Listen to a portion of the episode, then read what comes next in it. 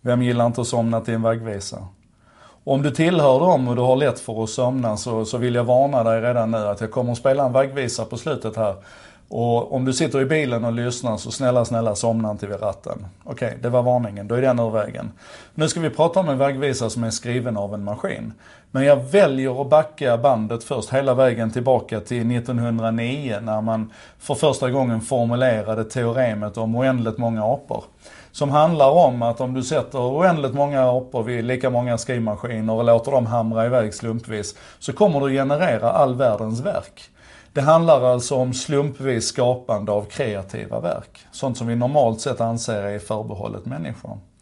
Eh, och det här teoremet är, det är jäkligt spännande. Man använder det egentligen för att illustrera hur någonting som teoretiskt är möjligt i praktiken är omöjligt. För så ser det faktiskt ut om man räknar på det där. Sen hoppar vi i tiden, vi hoppar fram till 1988 när, när KLF eh, skriver boken The Manual.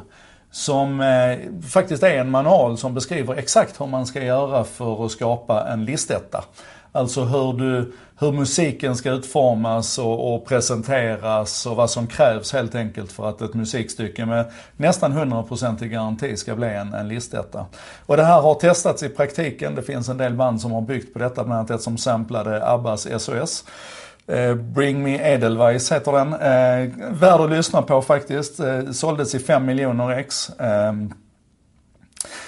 och det intressanta är väl kanske någonstans att om vi, om vi kombinerar det faktum att det är ganska ändå känt hur musik ska utformas för att tilltala oss människor och, och vi sen kastar lite slumpvisa apor på det där och kallar det för artificiell intelligens istället och, och bygger in maskinlärningsalgoritmer i det och, och arbetar med hur harmonier bygger på varandra och allt vad vi vet om hur, hur toner och, och ehm, eh, olika strofer harmoniserar med varandra. Så är det inte alls speciellt svårt att förstå att ett, ett, en, ett neuralt nätverk, en avancerad dator idag, kan skapa musik som faktiskt upplevs som väldigt tilltalande.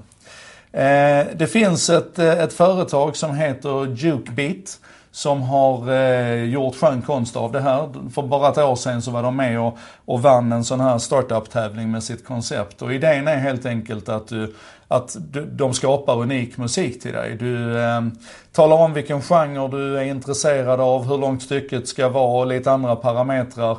Och så häller du in det i deras webbgränssnitt och så för en relativt rimlig peng så får du tillbaka ett unikt skapat musikstycke för just dig. Som både handlar om kompositionen av det här stycket men också produktionen av det. Eh, och det är jäkligt läckert.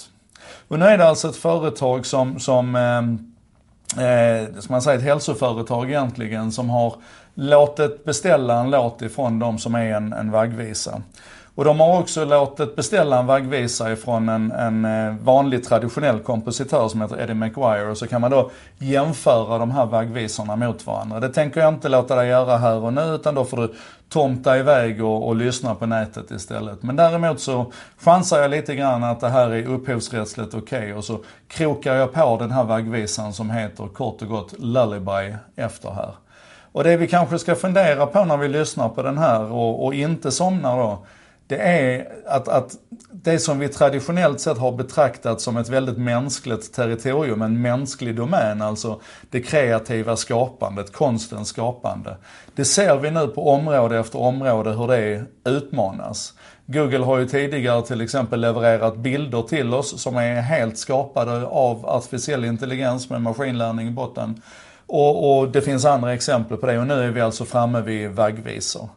Så fundera på vad, vad dina framtida barn kommer att lyssna på när de ska somna. Om det är den gamla klassiska byssan lull eller om det faktiskt är någonting som är skapat av en, eh, av en maskin. Jag tycker själv att det här är riktigt, riktigt bra.